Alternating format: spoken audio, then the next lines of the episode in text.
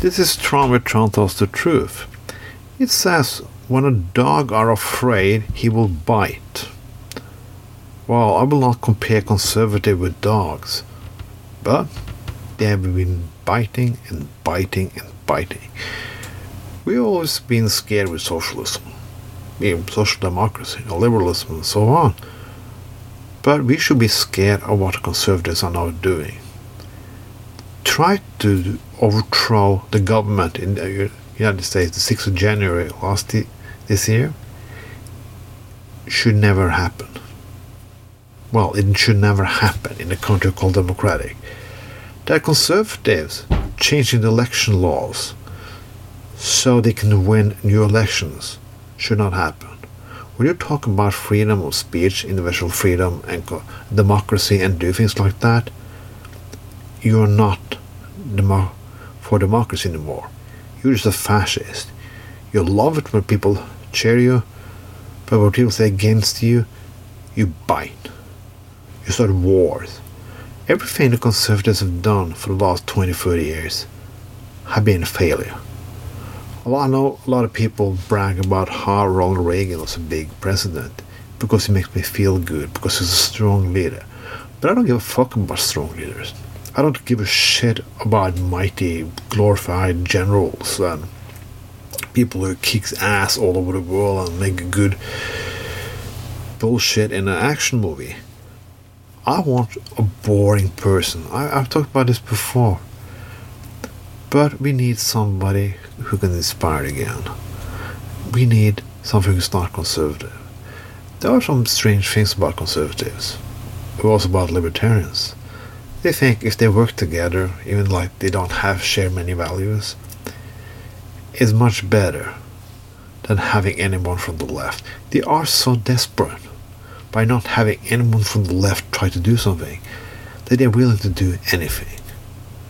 How can libertarians, people talk about individual freedom, go along with Christian fundamental lunatics who want to ban abortion, who want to ban my gay marriage?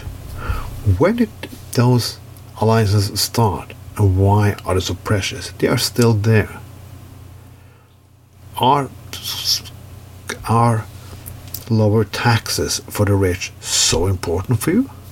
Libertarians have no fucking self respect. Then comes the other issue. I'm talking about tired about liberals. Yeah, I am. Liberals always want to stand people to the fucking death. They're always trying to make a fuck like they are like the leader of a glorified compromise. But that compromise doesn't exist. The people on the right now are not willing to compromise. They're only unwilling to compromise with some people on the right. There are smart people on the right. There are conservatives who has values, who has principles. But those people are now in bed with the fucking lunatics and they're still getting fucked in the ass and just bending over waiting to take it all without Vaseline. Well, yes. If you don't like me fucking saying this, go fuck yourself. I don't give a shit about you tired little motherfuckers who get offended by anything. I say what the fuck I want. I always done it. In the five years I have this segment, I was gonna do. But that was not my part. We have to get fucking away from conservative bullshit. Conservative bullshit is giving us the climate crisis conservative bullshit. I guess a stupid war. But conservative bullshit are also giving us the immigrant crisis. Yes, all the immigrants you see now in Belarus standing on the border to Poland, how did they come there? Yes, because they're fleeing from countries that we fucking bombed and started war and destabilized in the first place. The right always want to do easy things and they always blame anyone else when shit hits the fan or straight in their fucking faces. This is gonna be a horrible year to come. 2022 gonna be the fucking turning point. And we have to start fucking fight. There are no more fucking compromises anymore. no compromises with the fucking right. If they want to go compromises, they have to come and beg. It's way with the fucking bullshit. This was drawn Tron Bertrand, tells the truth. Have a fucking nice evening.